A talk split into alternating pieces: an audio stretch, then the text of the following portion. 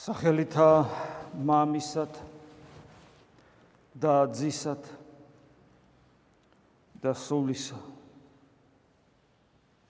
წმიდისად ძალიან დიდი ყურადღება და სიფხიზლე ჭირდება ადამიანს თუ ის ფიქრობს რომ სულიერად იცხოვროს.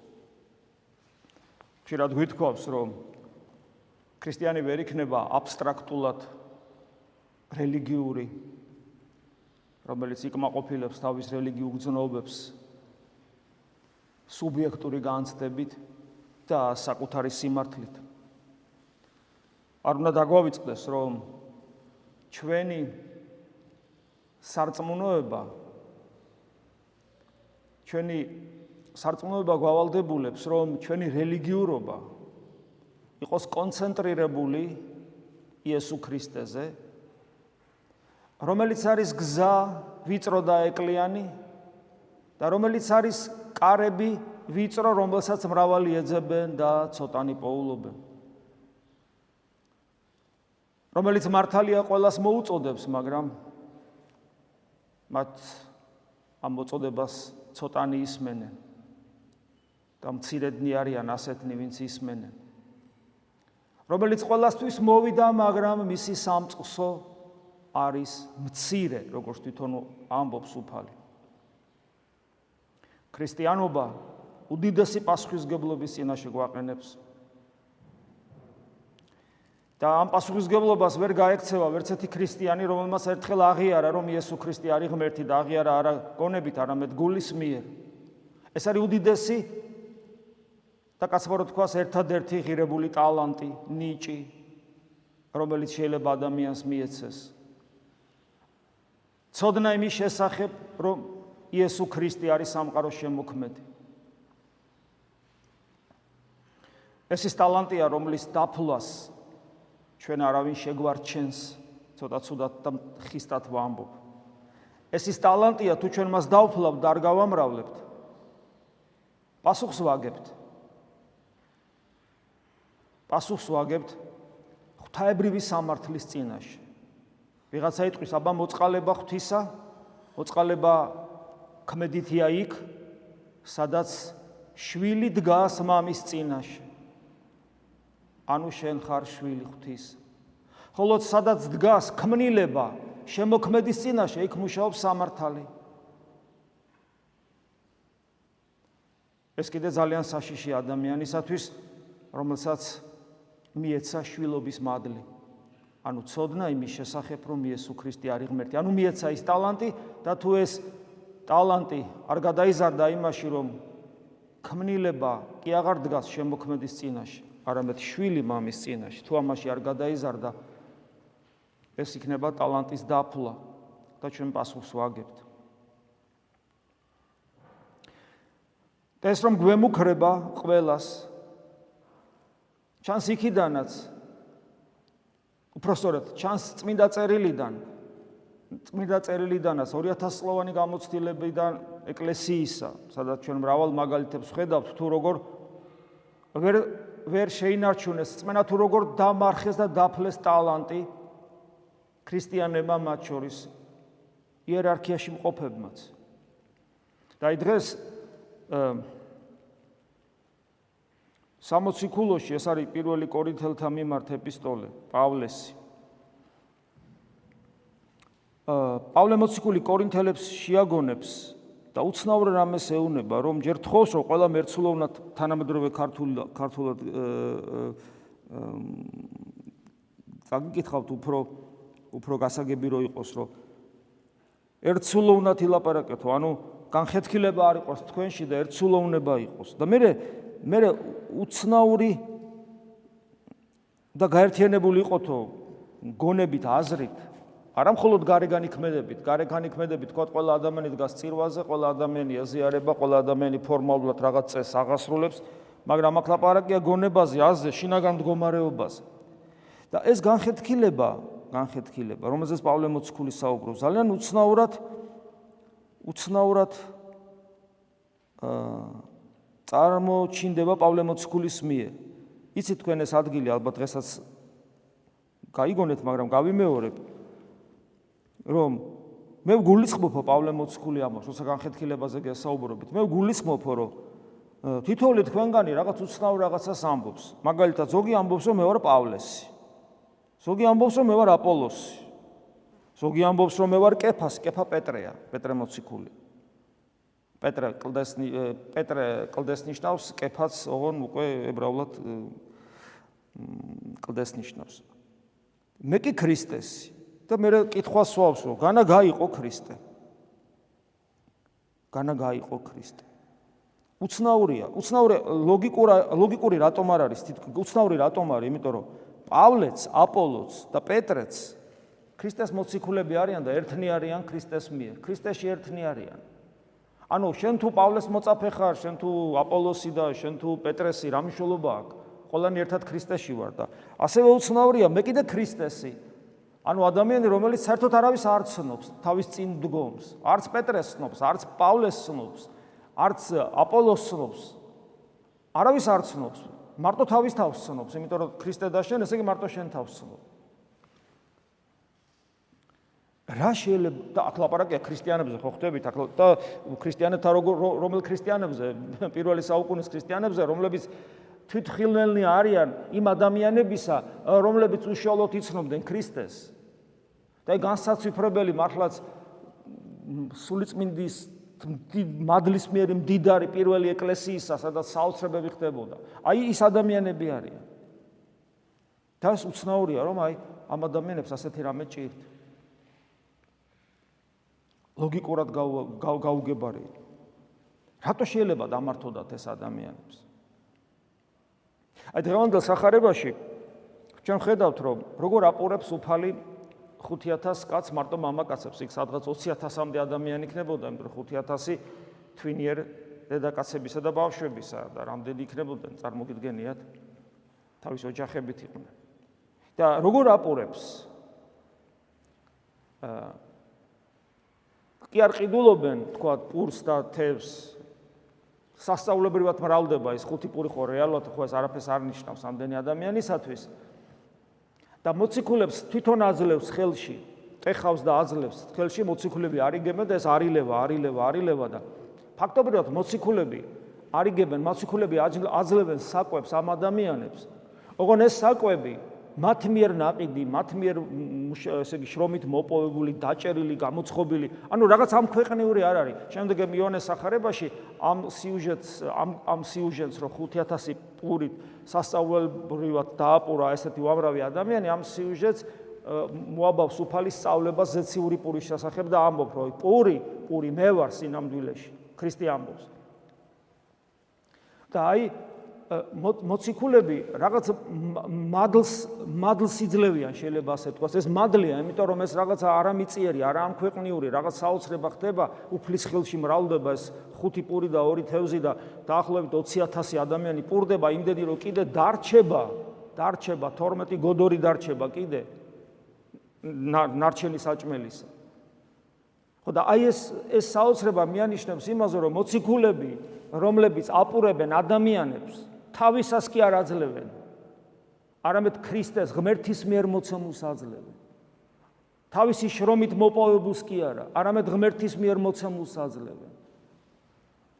ეს ნიშნავს იმას, რომ თუ ჩვენ სულიერ სულიერ კუთხით განვიხილავთ, თქვა ჩვენ სასულიერო პირები, ჩვენ სასულიერო პირები ვერ მივცემთ ადამიანებს მაცხონებელ სიტყვას, თუ თვლით, რომ მას მათ ჩვენი სიბძნით და ჩვენი განათლებულობით ვესაუბრებით. არამედ ჩვენ უნდა მივცეთ ის სიბზნე, რომელიც უშუალოდ ღმერთისგან მოგვეცა და ამიტომ ამბობს ისევ დღევანდელ დღევანდელ 60 ქულოში პავლე მოციქული რომ არა მომავლინა მე ხო თავის თავზე საუბრობს რისთვის მომავლინა ქრისტე ამას ხა მნიშვნელობა არ აქვს და მე ამბობს არამედ ხადაგებად ხადაგებად сахарებად ანუ сахарებისთვის რომ გახაროთ და მე ამბობს არა სიბძნისა სიტყვითა.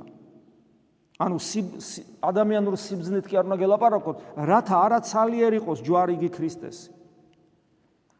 არამედ რამე თუ სიტყვა იგი ჯვრისა წარწმედულთა მათ სიცოფი არის ხოლო ჩვენ ცხონებულთა ამათვის ძალხთისა არს. ანუ პავლე მოციქული ამბობს, რომ მე თქვენ გესაუბრებით არა ადამიანური სიძით, არამედ ჯვრის ძალით, რომელიც წარწმედულთათვის სისულელია.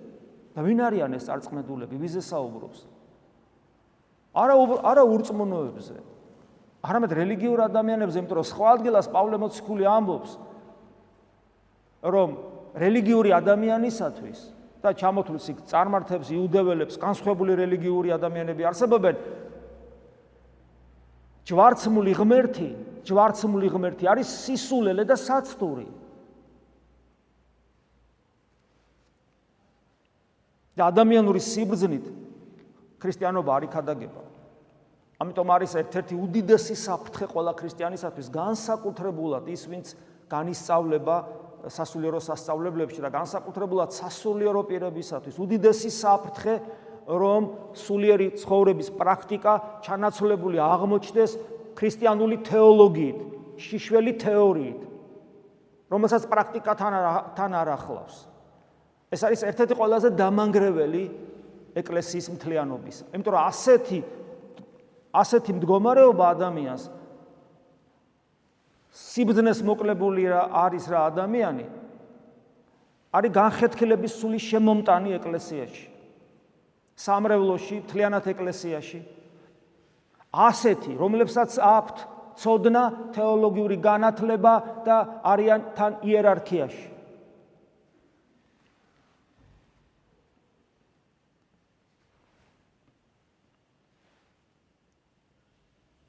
სულიერი ცხოვრების პრაქტიკის გარეშე ჩვენ ვერ მივხვდებით როგორ უნდა ვიყოთ ეკლესიაში და გვეგონება რომ ან პავლესი უნდა ვიყოთ, ან პეტრესი უნდა ვიყოთ, ან აპოლოსი უნდა ვიყოთ, რაც ყველა სასაცილოა, ან ქრისტესი უნდა ვიყოთ, იმიტომ რომ შენსა და ქრისტეს შორის ვერავის ვეღარ ხედა უკვე, ანუ აბსოლუტურად დარწმუნებული ხარ, რომ შენ ხარ ერთადერთი ავტორიტეტი. ასე დროს ადამიანი, რომელიც განხეთქილების სულით არის შეპყრობილი ეკლესიაში, მას აქვს საკუთარი სიმართლე, საკუთარი ზნეობა, საკუთარი სულიერება და ყველაზე უცნაური ის არის, რომ ხშირ შემთხვევაში ასეთ ადამიანს აქვს საკუთარი მოწამეობრივი გვირგვინი საკუთარ თავზე წამოცმული და ფიქრობს, რომ მოწამეობრივ ღვაწლს აღასრულებს.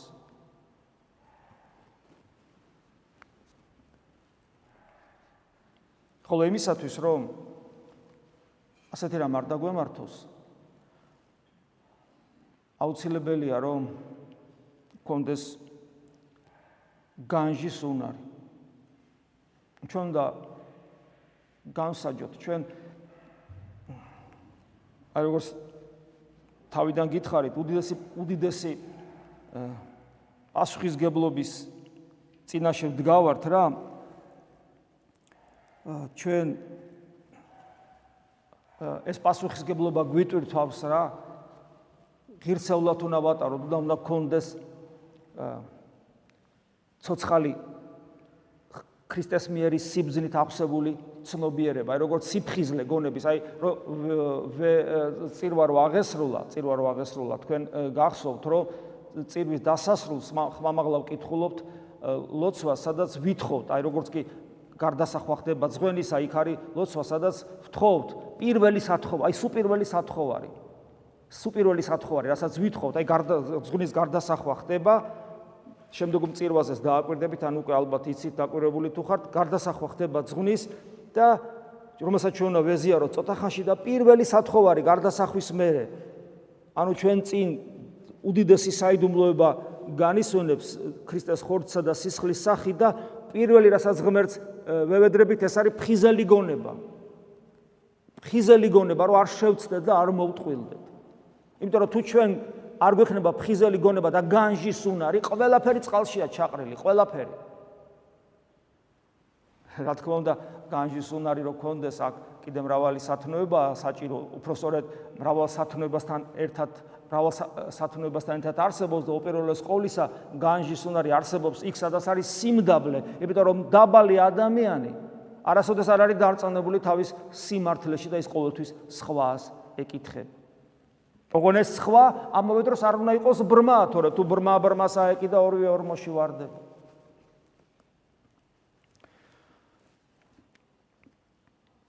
ამიტომაც ჩვენთვის უმნიშვნელოვანესია რომ არ გვეგონოს რომ ჩვენ ქრისტესნი ვართ ისე რომ არც პავლე გვაინტერესებდეს არც პეტრე და არც აპოლო ანუ არ გვაინტერესებდეს 2000 წლოვანი გამოცდილება ეკლესიისა და ამიტომაც ჩვენ უნდა ვკითხულობდეთ წმინდა მამებს, რომელთა გარეშეც ჩვენ ვერ შევძლებთ სწორი ორიენტირები გქონდეს. ვერ შევძლებთ ვიპოვოთ ის ვიწრო და ეკლიანი გზა, რომელსაც ქრისტე ქვია და ვერ შევძლებთ ვიპოვოთ ის ვიწრო კარები, რომელსაც ბევრი ეძებს და ცოტა პოულობს და რომელსაც ასევე ქრისტე ქვია. ვერ შევძლებთ ჩვენი სულიერი ცხოვრება ფოკუსირდეს იესო ქრისტეში. დღეს მინდა ტრადიციულად ყოველივე ამ საუბრის კონტექსში აღმოგიკითხოთ კიდევ ერთი სიტყვა ამონარიდების სიტყვიდან იოანეს სინელის წიგნიდან სათნოებათა კიბე რომელსაც ქვია და ეს არის 26-ე სიტყვა ზრახვების ვნებების და სათნოებების გამოძიების შესახებ. ვფიქრობ საინტერესო იქნება ეს თავი ამ კონტექსში, რაზეც ჩვენ დღეს ვისაუბრეთ, იმიტომ რომ ჩვენ გვაწუხებს ზრახვებიც, ვნებებიც და უნდა ვიცოდეთ რა არის ჩვენ შიგნით და ასევე სათნოებები არის თუ არა იგი ჩვენში. რამდენიმე მუხლი ამ თავიდან. განსჯა არის სრულიად უმციკლო და წმინდა გრძნობა. გონება, რომელსაც კეთილისა და ბოროტის გარჩევა ძალუც ღმერთმა ის კაცში ეს გარჩევის უნარი ბოროტების მამხილებლად დანერგა. ძალიან საინტერესოა ეს. ბოროტება თითოეულ ჩვენგანშია, იმიტომ რომ ჩვენ დაცემული ბუნება გვაქვს და ჩვენ ჩვენი დაცემული ბუნებით ეს თვისება არის ჩვენში ყველაში, ჩვენ არ გვინდა ღმერთის წინაშე პასუხისგებლობა და ჩვენ არ გვინდა ღმერთი. მით უმეტეს ნამდვილი ღმერთი. ის რომელიც მოვიდა ჩვენთან სიმდაბლით, სიმშვიდით, აბსოლუტური გულმოწყალებით, ანუ იესო ქრისტე. ჩვენ არ გვსურს ის და ჩვენი რწმენა არსებობს რა ღმერთი როგორც ღმერთის საჩუქარი ჩვენ ვებძვით საკუთარ რწმენას და აი ეს ბძოლა არის სწორედ ქრისტიანული ბძოლა.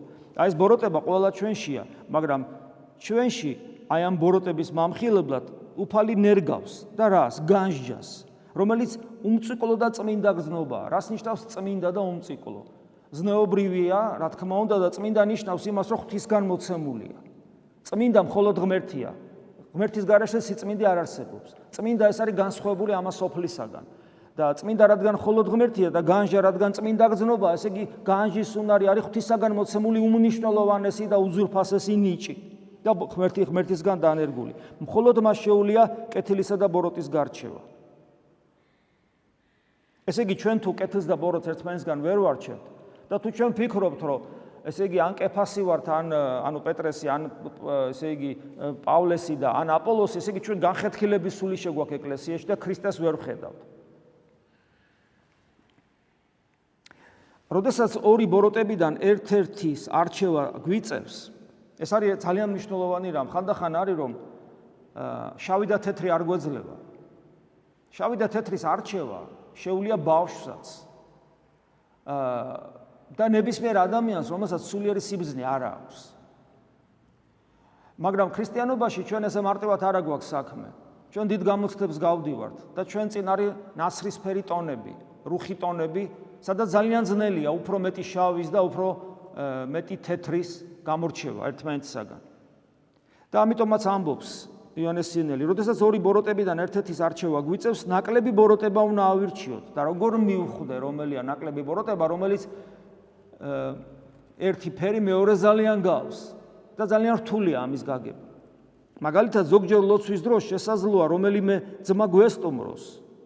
მაშინ ამ ლოცვის გაგრძელება მოგვიწევს, ან ლოცვის გაგრძელება მოგვიწევს და ასეთ შემთხვევაში ძმას ვერ ვნახავთ და დავამწუხრებთ მას, ან ლოცვის შეწყვეტა. მაშინ უნდა მივხვდეთ, რომ სიყვარული ლოცვაზე აღმატებულია, რადგან ლოცვა პირადი ღვაწლია, ხოლო სიყვარული ყოველგვარ სათნოებათა მომცველი. ხო მიხვდით რასაც წერს წმინდა იონეს სინდელი?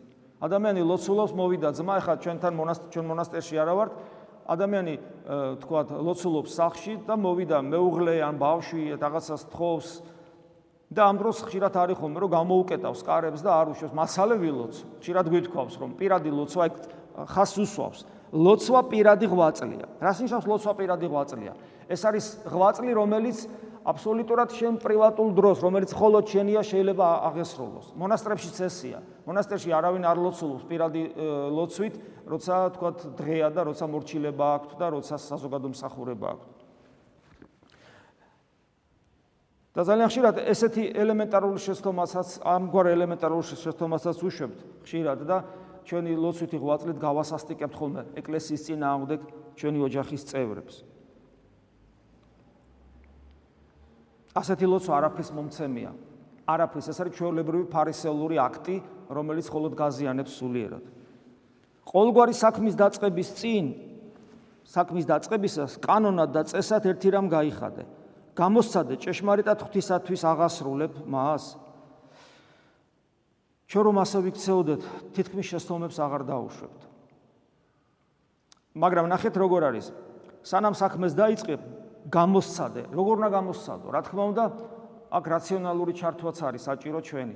ესე ხდება ხოლმე, რომ ადამიანი ემოციურად და გულმხურვალედ წყვეტს რაღაცებს ყოველდღიურ საქმიანობაში. ადრეს გითხარით, რომ გულმხურვალება, ვულკანივით ამოფქვეული გულმხურვალება, მხოლოდ ერთი ერთ მხოლოდ ერთს ეკუთვნის, ეს არის ღვთის ძიება. ღმერთისაკან არის მიმართული. ღვთის ძიება უნდა იყოს გულმხურვალე, თავგანწირული, ბოლომდე და მაქსიმალურად. დანარჩენს რაც შეეხება ამ ქვეყნიურს, ყველაფერს, მათ შორის რელიგიურ და სულიერ ცხოვრებაში, ყველაფერი უნდა იყოს რაციონალური განსჯით გაწონასწორებული. და სწორედ ამას ამბობს აქ იონეს სინელი, რომ ნებისმიერი საქმე აქ არ ამბობს რაღაც მიწიერ საქმეზე. ნებისმიერი საქმე გამოსცადე ღვთისათვის აღასრულებ შენ ამას თუ არა.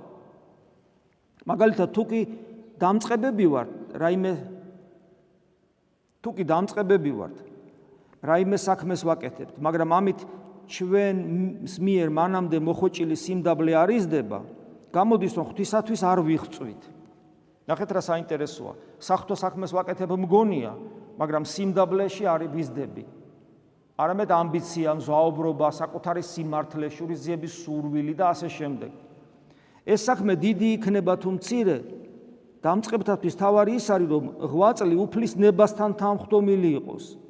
საშუალებში ის შინაგან ბრძოლას დააცხრობს, ხოლო სრულთათვის სახთო ნათლის გამრავლება და სიუხვე მოაქვს. ანუ დამწყები ნიშნავს ადამიანს, რომელიც სულიერად ჯერ მომწიფარია და მისთვის თავარია, რომ მიხვდეს ღვთისნებასთან არის თუ არა თანხდომილი, საშუალო, ანუ ცოტა წარმატებული ქრისტიანი თუ სწორად იწებს და განჟით იწებს ნებისმიერი საქმის კეთებას, ასეთი ადამიანი შიგნით შფოთი აღარ არის და სულიერი ვნებები ხრება ხოლო სრულყოფილი ადამიანისათვის მეტი და მეტი საფრთხო ჭრეტელობა და ნათელი მოაქვს.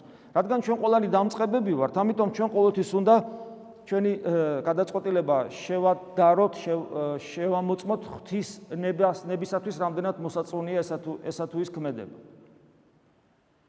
რომ საკუთარი სიმართლით არ ვიყოთ ინსპირირებული, იმიტომ რომ საკუთარი სიმართლე ეს არის ფარისეულური და მწიგნობრული სიმართლე. ყოველთვის უნდა ვიკითხოთ, აი ღმერთს მოსწონს ჩემი ეს საქციელი თუ არა. და კიდევ ერთი მიზანი, რა არის მიზანი ამა თუ იმ საქცielis? რატო ვაკეთებ მე ამას? რა თქმა უნდა, შეცდომა მაინც შეგვიძლია შეიძლება მოგვივიდეს.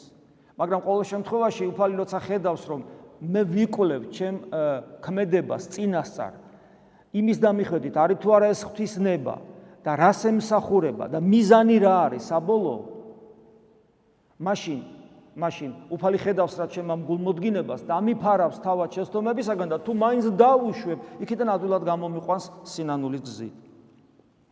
ვნახე ისეთები, რომელთაც სული და ხორცით უძლურთა ცოდვათა სიმრავლის ახსახოცელად საკუთარ შესაძლებლობებზე აღმატებული საქმე იტვირთეს და მისი აღსრულება კი ვერ შეძლეს.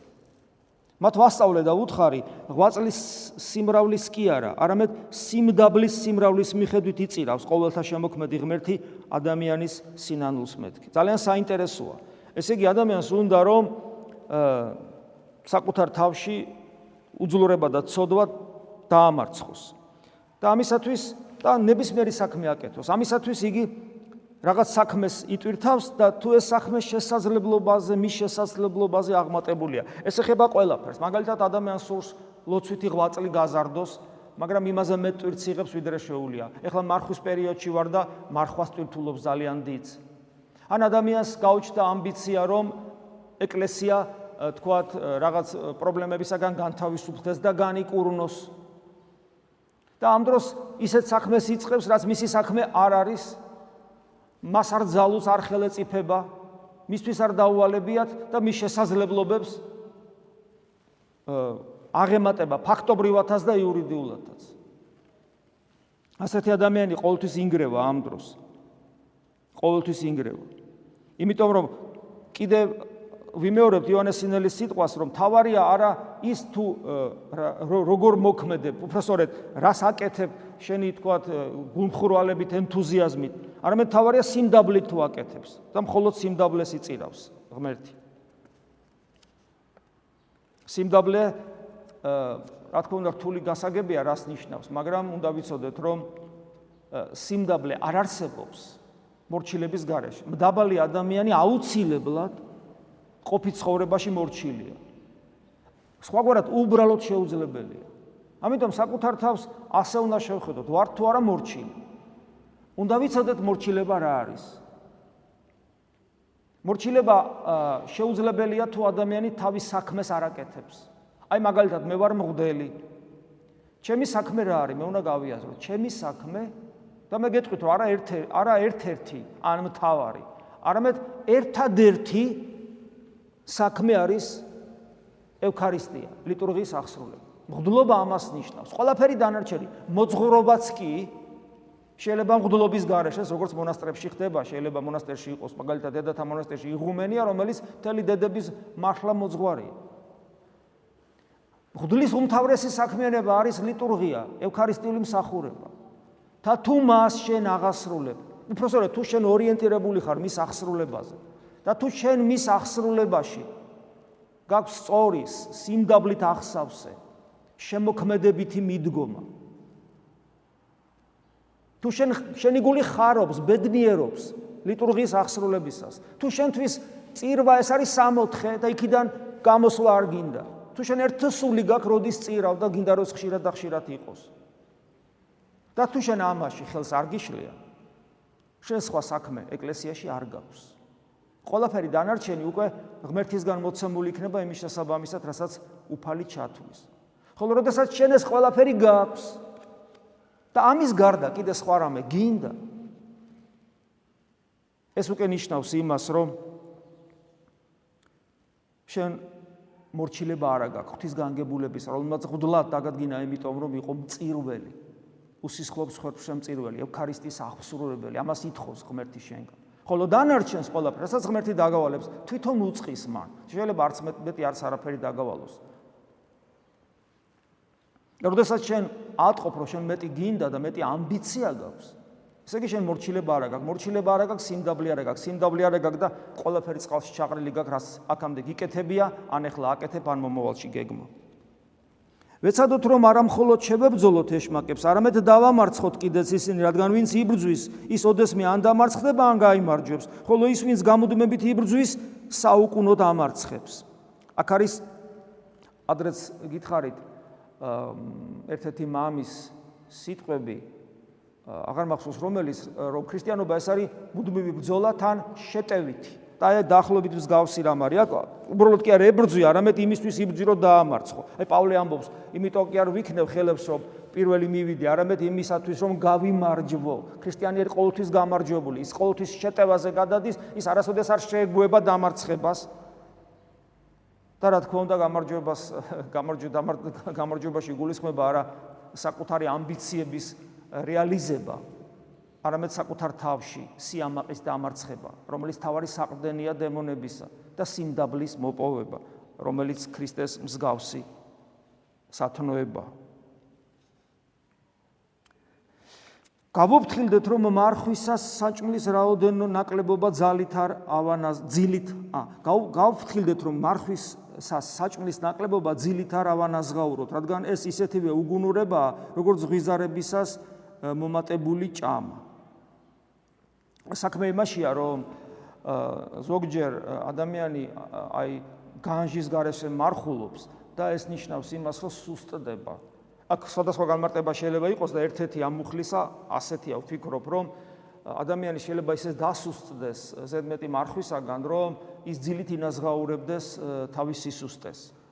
ასეთი მარხვა გაცილებით საზიანოა, ვიდრე გადამეტებული ჭამა. ჯობია გადამეტებული ჭამო და კონდეს უნარი ფიზიკური იშრომო და ილოცო და იღვაწო, ვიდრე ზედმეტად იმარხო და ესე იგი ბძოლის ფიზიკური ძალები აღარ ქონდეს და ძილად და მივარდე.